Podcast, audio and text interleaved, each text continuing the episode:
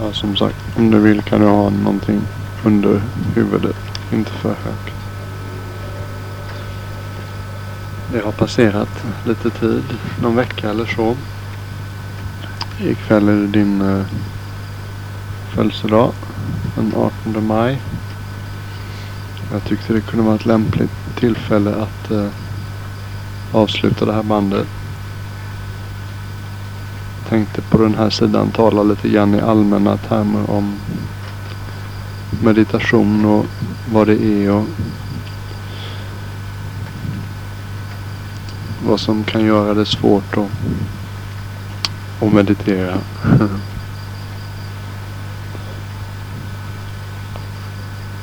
Jag tänkte börja med att presentera de fem hindren till meditation. Det är viktigt att ha med dem från början och vänja sig vid att när man märker att man inte lyckas fästa uppmärksamheten på det man försöker så ska man alltid fråga sig vad är det som hindrar mig nu? Vad är det som gör att vad är det som drar iväg min uppmärksamhet från mitt meditationsobjekt? Och eh, de, de sakerna som tar iväg vår uppmärksamhet delas då upp i fem, fem grupper. Den första är sinnligt begär av alla former. De, eh, de fem sinnena kan vara fem sinnena vet du förstås vad det är. Smak och hörsel. Lukt. Och känsel. Smak och hörsel. Lukt och känsel. vad är det femte? syn. Och eh, det är viktigt att vänja sig vid och tänka på medvetandet, upplevelsen att existera, att vara en människa eh, kan, kan reduceras till Om vi tänker oss då sinnet som ett sjätte sinne, va? det inre livet om du vill. Tankevärlden är det sjätte sinnet inom buddhismen. Det, det talas ofta om de sex sinnena inom buddhism. Och, eh, och det här sammanfattar egentligen hela vår upplevelse och vad det innebär att vara en människa. Antingen så, så att säga, har vi synintryck eller hörselintryck, smak, luktintryck, känselintryck eller tankeintryck och tankar kommer. Det kallas då de sex portarna inom buddhism. Portarna vid vilka vi varse blir, vid vilka vi upplever omvärlden. Ett synobjekt är då någonting utifrån som eh, vår syn eh, blir medveten om. Det, man delar också upp medvetande i sex olika kategorier synmedvetande. Det är alltså det medvetandet som uppstår när vi ser någonting. Hörselmedvetande. Smak, lukt, känsel och tankemedvetande. Och det är också ett bra sätt att börja vänja sig vid att se, säga, ett sätt att organisera upplevelsen av att vara människa lite grann va? och komma ihåg det att vi är alltid någonstans i de här sex dörrarna när vi vaknar. Och man kan inte vara på två ställen samtidigt. Det är ganska intressant också att det kan ju förefalla som om vi kanske ser och hör till exempel samtidigt. Men det gör vi inte utan det är olika medvetandeögonblick som uppstår bara en kort ögonblick och så upphör de i ständig succession efter varandra. Men det är bara ett i taget. Det kan aldrig vara två samtidigt. Så i själva verket så är det helt omöjligt att se och höra. Till exempel i absolut samma ögonblick. Men hur som helst, när vi talar om eh, hindren till meditation. Då vänder, då, när vi talar om sinnliga begär så tänker vi bara på de fem första sinnena, de fem vanliga sinnena. Det är ganska uppenbart men jag vill ändå ge lite exempel sådär för att det inte ska bli för teoretiskt. Om vi säger begär eller önskningar i, eh, i riktning mot synintryck eller begär om att ha, att ha synintryck som är tilltalande kan man ju då tänka sig en massa att hellre än att meditera skulle jag vilja gå på stranden och titta på havet. Eller egentligen skulle jag vilja gå ner och se på långfilm på TV. Eller ja, det är exempel på syn, synliga begär vad gäller seendets port.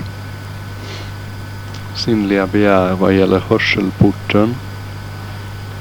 är väl mer självklara. Jag önskar att trafiken skulle sluta vara så intensiv så att jag kunde koncentrera mig och meditera lite bättre. Eller jag önskar de slutade prata så högt där nere så jag fick lugn och ro. Något djur som kryper på mig.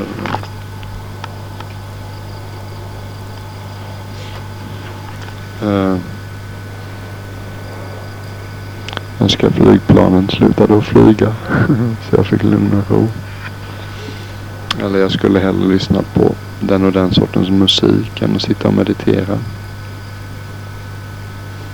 Smak. Sinnliga begär från smakporten. Är väl också ganska uppenbara.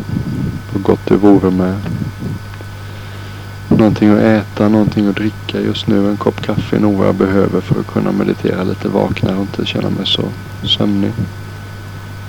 Eller jag har säkert ätit för lite. Det är därför jag har svårt att koncentrera mig. Och så borde nog ta och gå ner och smaska på någonting.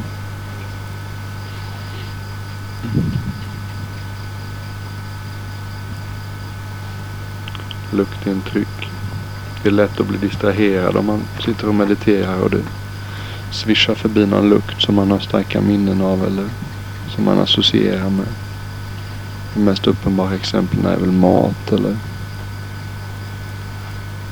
ja, starka dofter överhuvudtaget kan ju väldigt lätt dra iväg vår uppmärksamhet till minnen från saker och upplevelser vi har varit med om eller dra iväg den till vad som sen kan bli sinnliga begär från, från smak, smaklökarna också.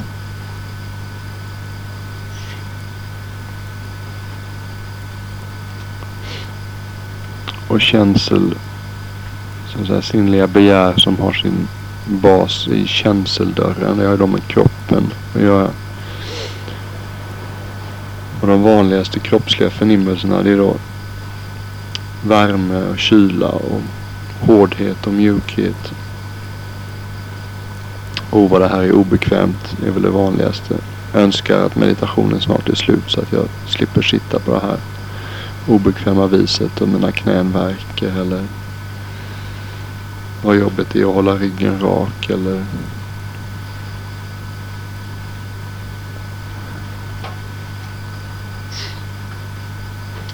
att man uh, sitter och är för varm och skulle egentligen vilja gå upp och öppna ett fönster.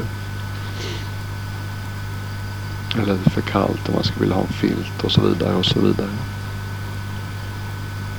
Det är viktigt att, att börja vänja sig vid en något mer eh, säg objektiv eller som balanserad position där vi inte alltid identifierar oss med alla de här små rösterna inombords då som vill olika saker och begär av större eller mindre dignitet. Va? Utan att börja försöka vara lite cool. Vara lite cool. Se de här sinnliga begären. Notera dem. Men det är inte... Det finns liksom två förhållningssätt till ett begär eller en önskan. Det ena är då omedelbart uppfylla den och det är det vi alltid har gjort och som vi är vana vid från hela livet. Men det finns ett annat sätt också som inte är lika uppenbart. Och det är att notera begäret i lugn och ro utan att liksom bli arg på sig själv för att man har det. Utan bara notera det. Ja, där är ett begär av den och den typen. Sen kan man låta det vara och så går det över så småningom till det andra sättet att förhålla sig till ett begär. Begär har precis som allting annat. Som allting annat i hela vårt universum. Förutom nirvana. Så har begär, precis som allting annat, egenskapen att det uppstår, varar ett tag och sen så upphör det. Och det är väl ganska självklar sanning då intellektuellt sett men på ett erfarenhetsmässigt självupplevt plan och verkligen förstå att saker och ting uppstår, varar och sen upphör de. Det är en fantastisk befrielse. Ett ögonblick ska jag byta stearinljus. Ja, hallå? Ja, jag blev lite distraherad mot slutet. Det är inte riktigt en fantastisk upplevelse. Det är inte riktigt vad jag ville säga utan eh, att genom självupplevt erfarenhetsmässigt förstå den här sanningen att saker och ting upphör, varar ett tag. Eller uppstår, varar ett tag och sen upphör de. Det är, det är, vägen, det är vägen till upplysning.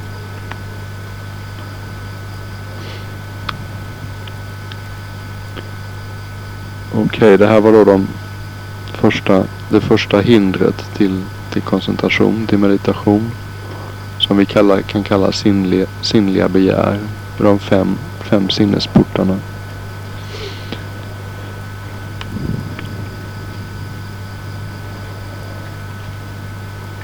Och det bästa sättet att förhålla sig då till när man upptäcker att det här är ett problem. Det är just då tålmodigt och lite kärvänligt kanske notera att jaha, nu sitter, finns det här och begär, begäret närvarande. Så låter man det finnas bara och gör ingenting åt det. Det andra hindret till koncentration är aggressivitet, ilska, irritation, olika grader av det här vill jag inte ha. Man skjuter ifrån sig på ett eller annat sätt. Och så irriterande att de spelar musik eller har tvn på när jag sitter här och ska försöka meditera. Eller eh, man kan bli ilsken och aggressiv mot sig själv också. Jag är så hopplös. Jag kan ju inte ens sitta still i fem minuter. Eller jag kan ju inte ens rikta min uppmärksamhet på det jag ska i 20 sekunder. Jag är verkligen hopplös. Eller man sitter och fastnar hela tiden i en tankebana. Att hur kunde hon säga det? Eller hur kunde han göra så mot mig? Det var verkligen orättvist. Och jag förtjänade inte det. Och ja, nästa gång jag möter den och den personen då ska jag verkligen då ska jag säga till dem. Då ska jag säga så och så. Så förstår de. Ska de minsann förstå att att jag inte är någon som man kan sätta sig på på det sättet. Eller de gjorde fel när de gjorde så och så eller sa så och så.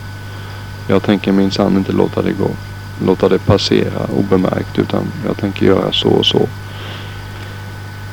Det förtjänar de. Mm, det här är då inte speciellt fruktbara återvändsgränder som uppmärksamheten kan irra sig nedför när vi inte, när vi inte är vaksamma. Det krävs en vaksamhet hela tiden i meditation. Att man, att man så att säga checkar av var, vad, vad, vad är vi nu någonstans och hur går det här egentligen? och i början när vi mediterar så kan vi vara väldigt länge springa ner ut med de här olika fel liksom, felvägarna, misstagen, återvändsgränderna. Innan vi samlar oss och upptäcker att oj då, nu gick det fel igen.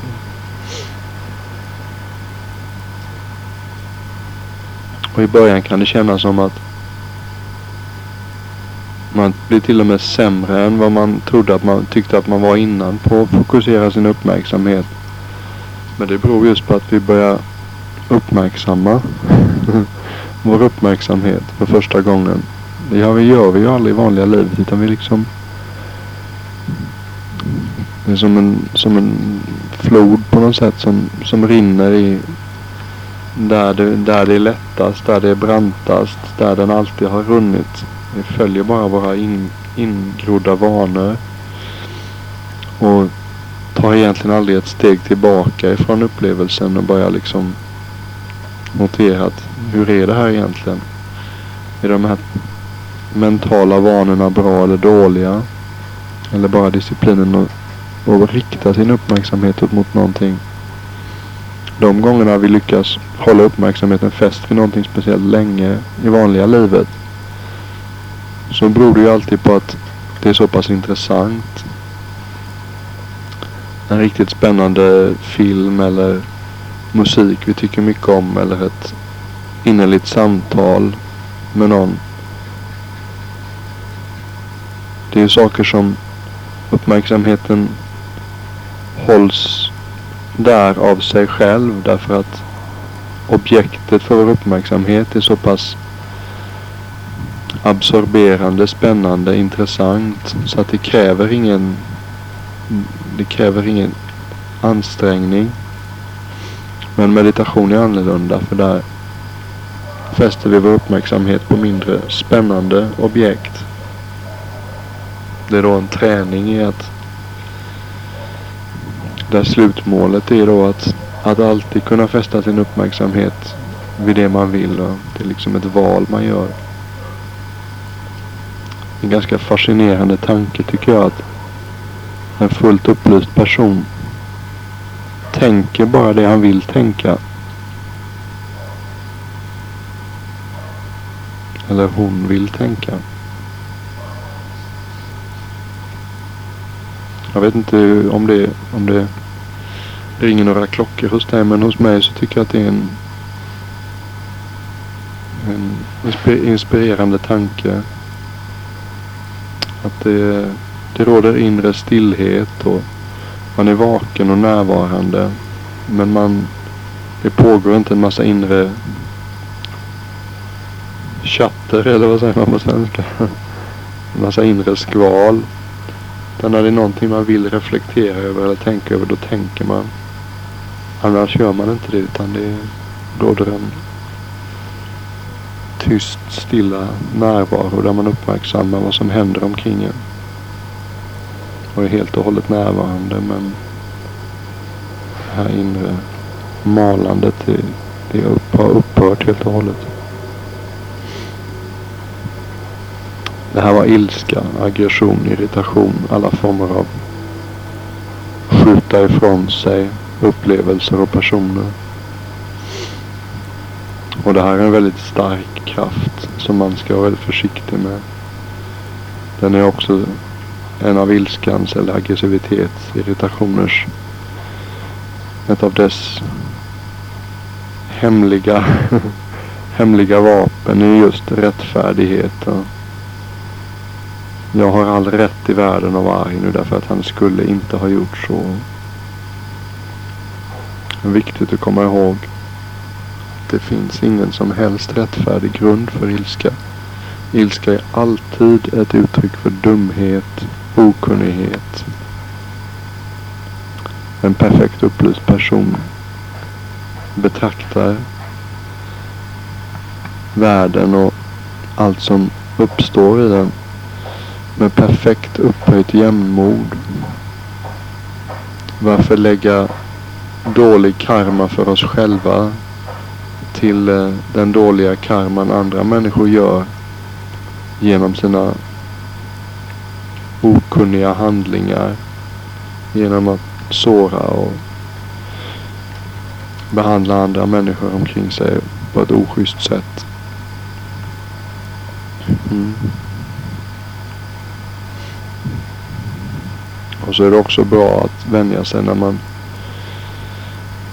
eh, när man är arg och försöka vänja sig vid att släppa taget om hela den här processen om varför man har så himla rätt att vara arg. Va? Den, den är väldigt spännande eller den har väldigt stark dragningskraft. Jag har minsann all rätt i världen att vara arg av det och det och det och det skälet. Försök att släppa det. För det leder ingen vart.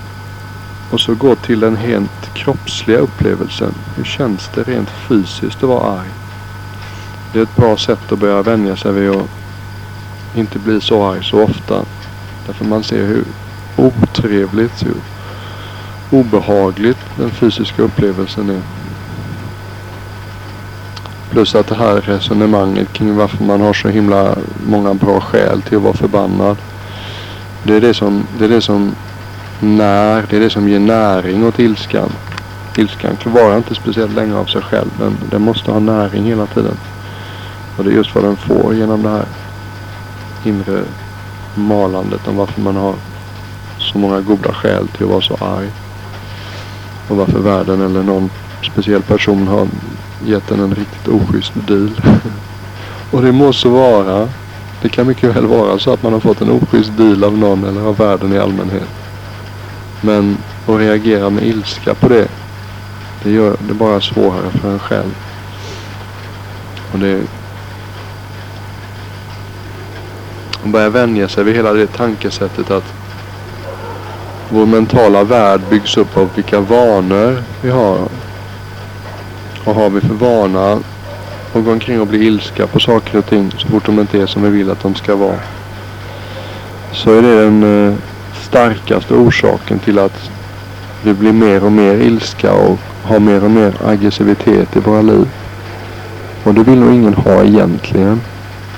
Det är en vana. Detta om, detta om aggressivitet i starkare och mindre starka former.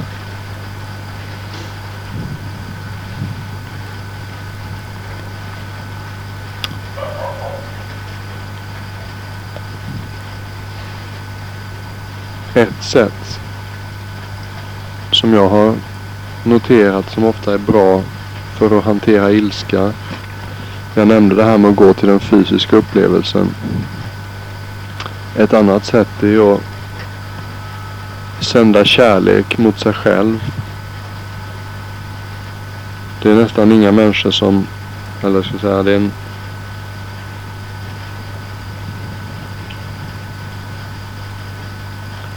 Det vi inte har för oss själva, det kan vi inte ge bort.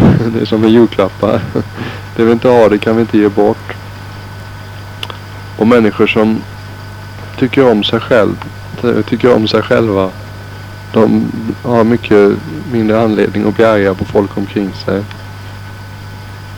Ett enkelt sätt att göra det här, när man kanske känner ilska mot andra, kan vara bara i lugn och ro repetera någonting inom sig med så mycket innerlighet man kan. Att må jag, må jag vara lycklig? Må jag ha det bra? Eller må jag fara väl? Må jag få vara frisk? Någonting enkelt som känns, som känns meningsfullt. Eller kanske må jag, må jag ha glädje och frid i mitt liv. Må jag ha glädje och frid i mitt liv. Må jag ha glädje och frid i mitt liv. Bara repetera någon enkel fras med ett par saker som känns meningsfulla och viktiga. Och bara försök verkligen lägga känsla i orden och, och göra det en stund. Då uppstår det ofta en, en, en, en varm känsla så småningom när det liksom som, som inte samexisterar med, med ilska alls utan då är ilskan försvunnen.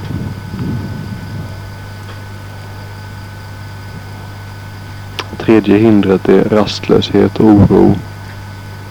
Kan vi säga rastlöshet står för den fysiska aspekten där vi kallar myror i kroppen och inte kunna sitta still. Och oro står för den där mm, mentala aspekten att ha en stark känsla av att man inte kan vara med någonting speciellt länge utan man måste byta. Man är helt enkelt liksom mentalt rastlös om du vill. Va? Det har ofta att göra med att vi har gjort saker som vi önskar vi inte hade gjort eller vi har inte gjort saker som vi önskar vi hade gjort. Och, eh, och det är viktigt att förstå att båda de här formerna är hinder till meditation. De kan också vara rätt intensiva att uppleva. Vi kan liksom känna att nu, jag kan inte sitta här i fem minuter till. Det är en av de många problemen i början när man mediterat.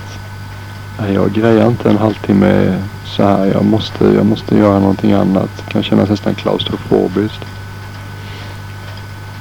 Och det är viktigt att förstå att det här är också bara mentala hinder som uppstår, varar en stund och sen upphör de. När man har suttit, suttit igenom rastlöshet första gången så kan det vara en ganska ögonöppnande upplevelse. Man har känt sig riktigt rastlös och bara murar hela kroppen att nej, jag vill inte sitta så här i en kvart, 20 minuter till. Och så gör man det i alla fall bara. På pinkiv om du så vill. Arbetsseger. Och så efter en stund så upptäcker man att det här är ju ganska okej. Okay. Rastlösheten är inte här längre. Det här är inte speciellt. Man har inte den där brinnande ivern och, och sluta upp med att sitta eller ligga eller gå eller vad man nu gör för sorts meditation. Ja. Och den mer mentala sidan av det. Det är inte nödvändigt att skilja på dem speciellt mycket utan det känner du nog igen det tillståndet vare sig det är kroppsligt eller mentalt. Den starka känslan att jag vill inte göra det här längre utan jag vill göra någonting annat.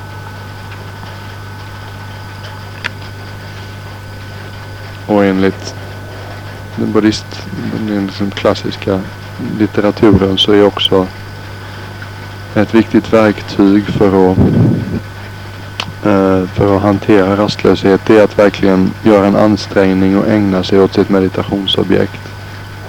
Rastlöshet gör ju att vi vill liksom flytta vår uppmärksamhet hela tiden. Det är en stark känsla av att vi inte vill fokusera den på ett enda objekt.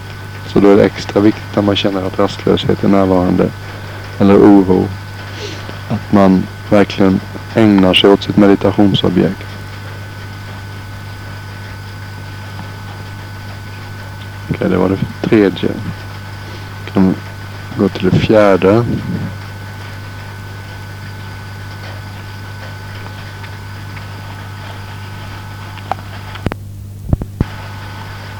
Hallå ja. Fjärde det är lättja och sömnighet. Där vi kan säga att lättja står för den rent fysiska, fysisk slöhet. Och sömnighet då för mer så att säga, mental slöhet. Den fysiska sidan av det är väl ofta just att man inte vill sitta upprätt.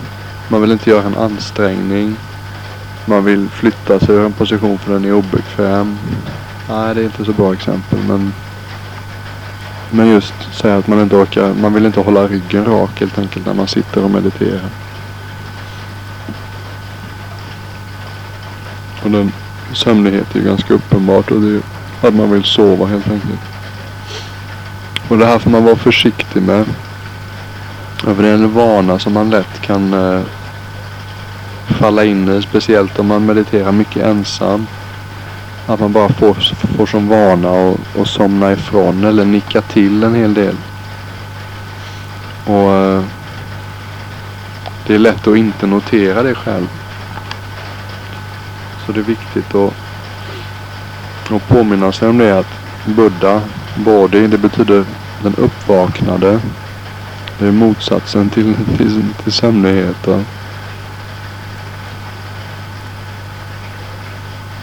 en av Ajahn Jayasaros sätt att definiera meditation som jag tyckte var bra. Det var att han sa så här att att meditera det är att, att vara vaken men inte tänka. det kan ge dig en idé om, om det med, meditativa tillståndet. Vi är helt vakna och helt närvarande.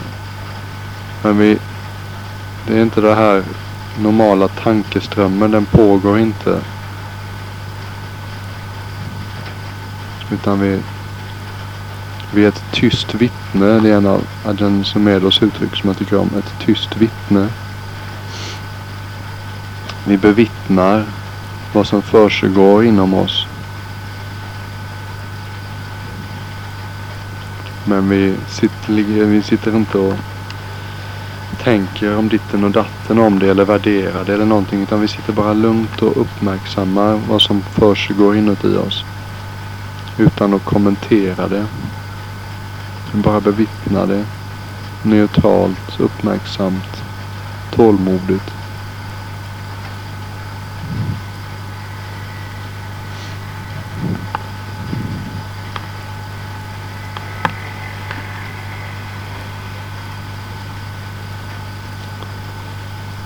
Sömnighet.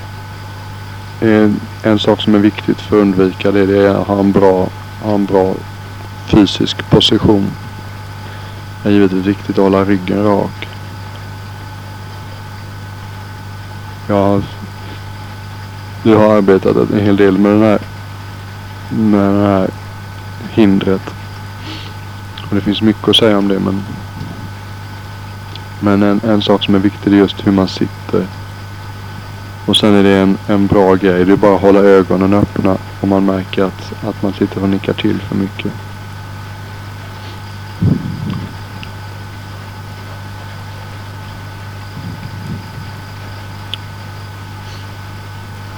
har vi den sista hindret.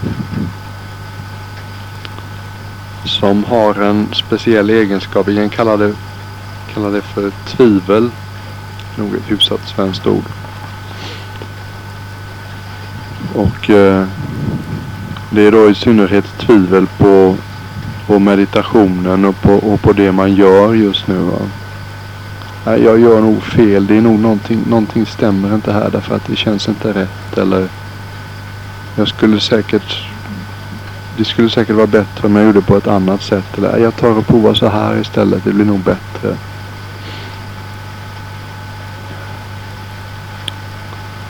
Det är väldigt subtilt det här sista och femte hindret. Därför att de andra är ganska uppenbara när man väl liksom eh, kommer ur dem så, så noterar man att här var, här var det sömnighet och lättja som var på gång. Eller det här var ju helt klart ilska och aggressivitet. Eller ja, här satt jag och drömde om kanelbullar. Det var ju sinnligt begär alldeles tydligt. Eller rastlöshet är också rätt tydligt efteråt. Va? Och då, här satt jag verkligen hade myror i byxorna. Men tvivel har den smygande egenskapen att det verkar så rimligt. Det kan ju faktiskt vara så att man skulle göra på något annat sätt så skulle det så skulle säga meditationen bli bättre.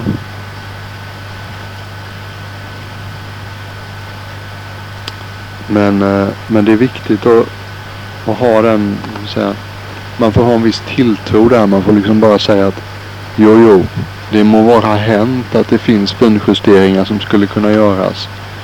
Och som skulle kunna hjälpa men, men just den här stunden så tänker jag göra på det här sättet. Och så, och så går, man, går man på det och så inte hålla på och hatta och ändra hela tiden. Därför det, det, det blir ingen det blir ingen soppa på så många spikar. Man kan inte ha så många kockar och laga en soppa är väl snarare bättre uttryck.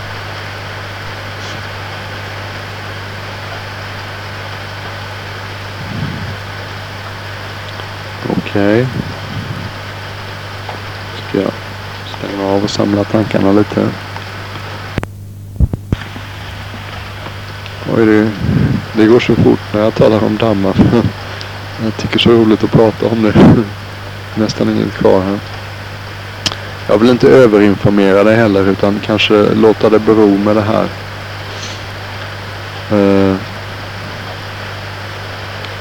och uh, bara som varmt varmt rekommendera dig att försöka göra det till en daglig, daglig rutin. Gärna flera, gärna både morgon och kväll. Men känns det mycket så gör det en gång om dagen. Det är bra att ha en tid som man mediterar som är ganska regelbunden. Därför då vänjer sig sinnet så småningom att Jaha, nu kommer det en period när, när, jag kan, när det kan sakta ner och lugna ner sig. Och en tid för lugn och reträtt. Och där man inte behöver så att säga, vara engagerad i världen på samma sätt. Vänder vi hela det tankesättet att inward bound kallar man det lite sådär humoristiskt ibland på engelska. Att den här stunden så vänder jag uppmärksamheten inåt. Världen där ute den kan gå på. Det är så himla... Det är så vi lever våra liv. Va? Att uppmärksamheten dras ut till det som skriker högst. Hela tiden. Dagarna i ända, nätterna i ända. Meditationsstunden det är en stund när vi vänder uppmärksamheten inåt. Umgås med oss själva om du vill. Utan att fördöma, utan att säga bra eller dåligt. Så ägnar vi den stunden åt att studera vårt inre liv. Försöka vänja oss vid att disciplinera vår uppmärksamhet lite grann förhålla oss ödmjukt till det faktum att det är väldigt svårt att rikta uppmärksamheten en längre stund på någonting i början. Och så försöker vi i alla fall. Och så gör vi så gott vi kan.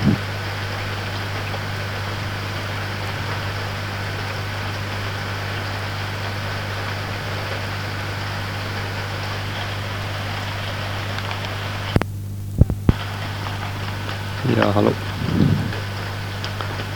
Och eh, försök att utveckla en slags attityd av att vad som än dyker upp så det är okej. Okay. Jag kan vara med det här. Det är okej. Okay. Och så händer vi och även när du inte mediterar under dagen i allmänhet notera att saker och ting faktiskt upphör.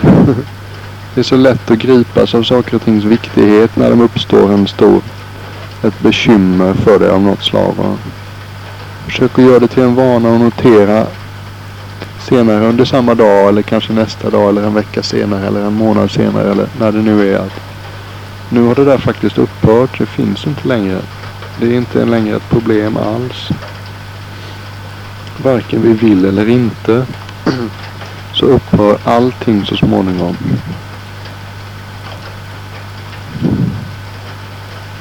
Det gör livet så mycket lättare. Man blir lite lättare till sinnes och tar inte saker fullt lika tungt.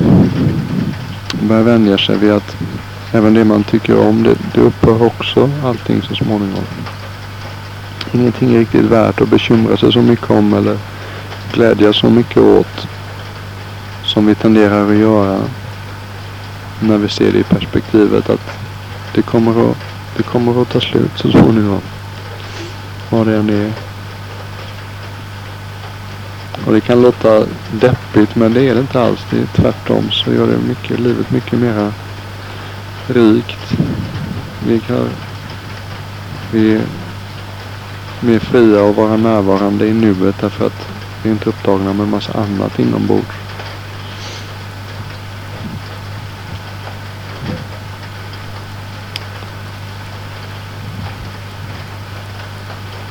Jag, jag fortsätter så småningom. Det är medvetet att jag bara har gett instruktioner för liggande kroppsmeditering än så länge. Därför att det är ett bra sätt att börja som kan vara hyfsat behagligt också.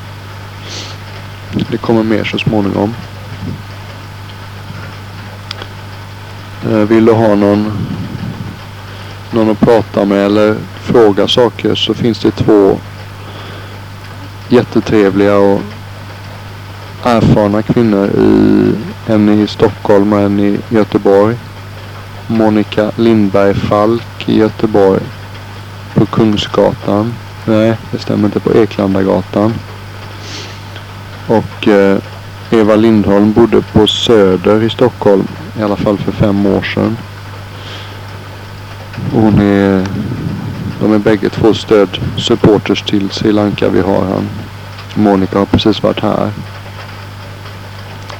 Och Eva gör en del att göra. Vi jobbade tillsammans med Dalai Lamas besök. De är jättetrevliga bägge två. Monica var precis här och jag berättade att du hade blivit intresserad av att meditera. Hon har med sig mikrofonen hem. Du får inte bli ledsen att den kom hem igen men problemet med den är att det är en monoinspelningsmikrofon så att när jag spelar in med den så hörs det bara på ena hörluren. Och det är irriterande både att spela in så och lyssna på det sen. Så att jag tyckte att chansen dök upp att skicka hem den för den var så dyr också så att kan någon, kan Kulle byta den? Jag tror det bästa är förmodligen att bara gå in i en affär och säga att en helt vanlig inspel, separat inspelningsmikrofon med sladd till en Sony-bandspelare. Modellen heter TCS 580V Stereo kassettkoder. En, det är nog det bästa.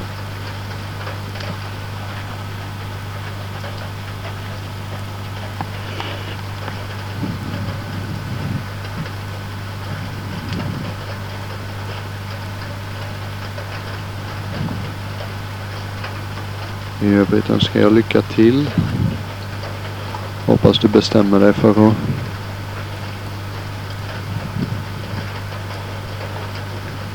anmäla dig till kursen i England i september.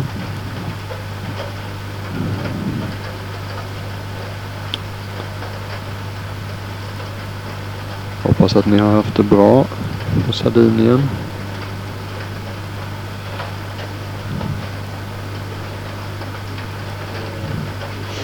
Och eh, tills vidare så vill jag inte att du lämnar ut det här kassettbandet till något. Utan det, det kan vara dig och mig tills vidare.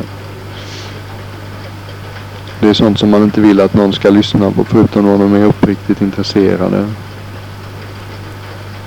Också en viss... När man, när man lyssnar på damman så krävs det en viss, en viss respekt. Att man ägnar sig helt och hållet åt det. Inget som man lyssnar på medan man diskar eller kör bil eller vad det nu kan vara. Eller som folk kan vara lite sådär småintresserade och kolla vad denna konstiga nattiker har att säga. Utan tills vidare så vill jag att det, det här kassettbandet det, är, det är till dig och inte till någon annan. Det gäller faktiskt även inom familjen.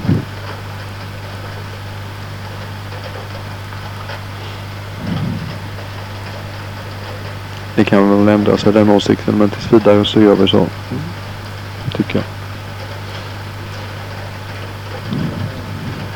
Och vill du läsa och sådär så finns det egentligen två saker som jag kan rekommendera.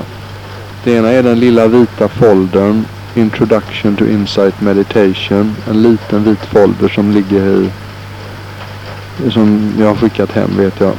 Där finns det en del användbara råd angående position också när vi så småningom går in på sittande meditation. Och sen så den boken som pappa läste som hette Mindfulness in plain English. Det är en väldigt rakt på sak behandling av ordet mindfulness som är viktigt. Men det behöver inte läsa någonting alls om du inte vill. Det är viktigare att läsa, läsa sitt sinne. Vänd dig även när du inte mediterar och titta på din upplevelse av livet i termer av de fem hindren. Vad är det nu som hindrar mig från att från att bara, bara vara här, bara vara närvarande i det jag upplever och delta helt och hållet. Vilken, vilken, vilken hin, vilket hinder är närvarande nu? Och så bli inte arg på dig själv för att det, vi, vi börjar där vi börjar allihopa. Och var vi än är någonstans så kan vi inte börja ifrån någon annanstans utan vi börjar därifrån där vi är. Sen går vi på i lugn och ro. var någon som sa att det finns två viktiga råd att ge folk angående buddhans, buddhans väg. Det ena första det är att börja gå på vägen. Börja gå den åttafaldiga vägen. Det andra är att stanna inte.